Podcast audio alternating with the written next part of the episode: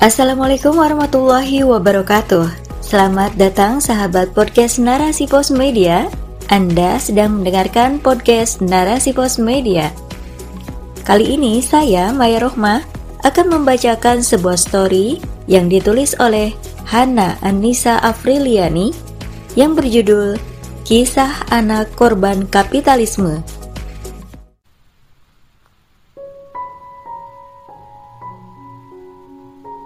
Seorang ibu setengah baya bercerita kepadaku.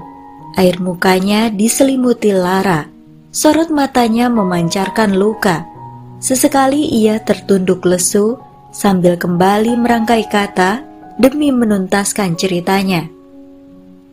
Makanya, kami sedang mencari pondok pesantren, Mbak, supaya dia bisa dipindahkan sekolahnya dari situ. Ujar sang ibu. Aku bisa merasakan betapa gundahnya ia mendapati sang anak yang baru berusia 10 tahun terpapar pemikiran kapitalisme. Sebagaimana yang diceritakannya, sang anak yang bersekolah di salah satu sekolah swasta ternama di kota ini mendadak menolak saat ayahnya menjemputnya ke sekolah. Abi, mulai besok jemputnya jangan di gerbang sekolah ya, agak jauh saja kata sang anak kala itu.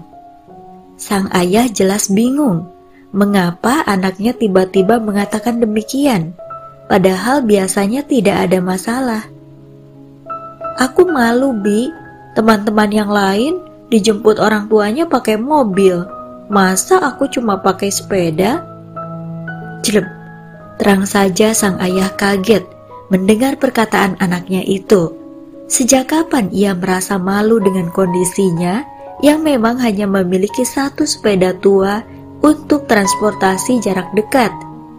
Sebetulnya motor ada, tetapi sehari-hari dipakai oleh kakaknya yang pertama untuk bekerja.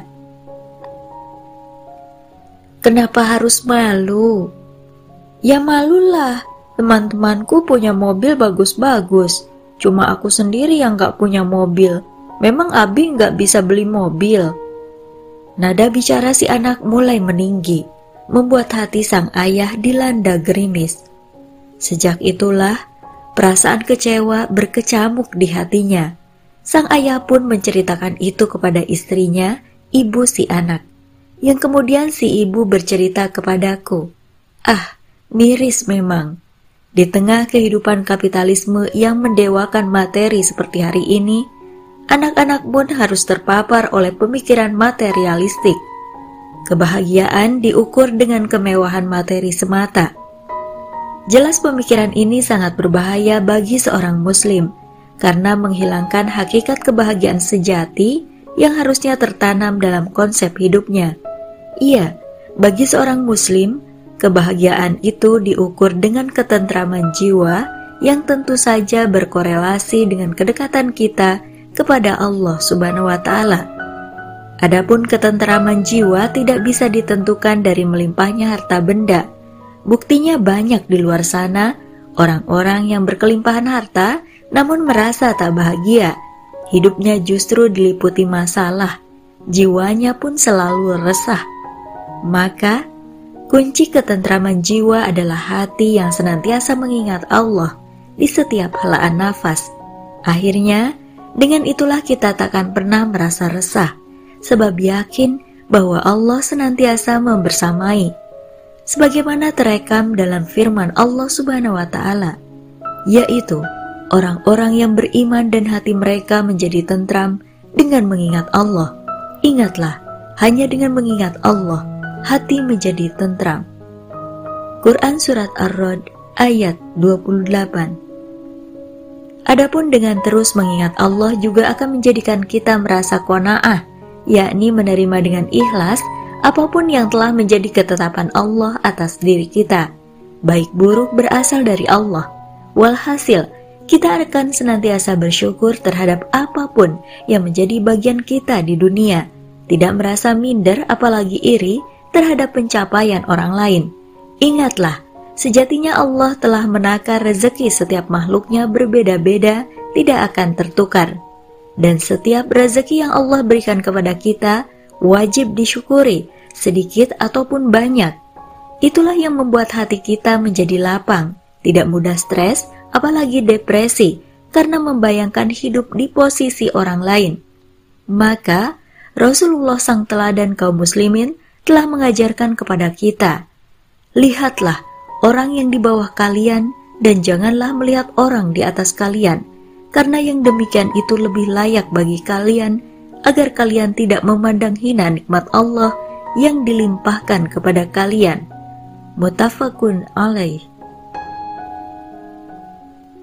Dari cerita sang ibu kepadaku tadi, aku semakin yakin betapa dahsyatnya godaan kapitalisme bermanuver merusak pemikiran kaum muslimin termasuk anak-anak. Jika dibiarkan, mereka akan tumbuh menjadi generasi berorientasi materi yang krisis jati diri sebagai muslim sejati. Benarlah adanya, kita wajib menjadikan hadis Rasulullah yang diriwayatkan dari Bukhari dan Muslim berikut sebagai prinsip dalam hidup kita. Bukanlah kekayaan itu karena banyak harta benda, tetapi kekayaan yang sebenarnya adalah kekayaan hati. Akhirnya, anak si ibu tadi memang benar dipindahkan dari sekolah tersebut ke sebuah pondok pesantren di luar kota. Namun, berdasarkan informasi terakhir, kondisinya tak lebih baik. Si anak justru dikabarkan sering kabur dari pesantren karena merasa terkekang dengan kehidupan pesantren yang serba diatur dan gaya hidup sederhana. Lihatlah betapa daya rusak kapitalisme sedemikian dahsyat bagi seorang individu, bukan? Apalagi bagi peradaban. Jadi, masih mau mempertahankannya.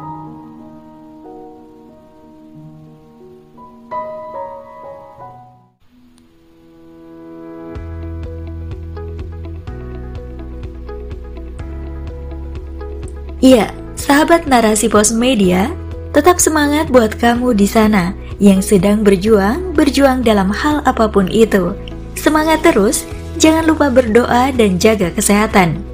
Jangan lupa juga nih, buat kamu yang ingin puisimu atau kisahmu dibacakan di akun podcast ini, langsung saja kirimkan tulisanmu ke email narasiposmedia@gmail.com. Tetap jaga kesehatan dan sampai jumpa. Assalamualaikum warahmatullahi wabarakatuh.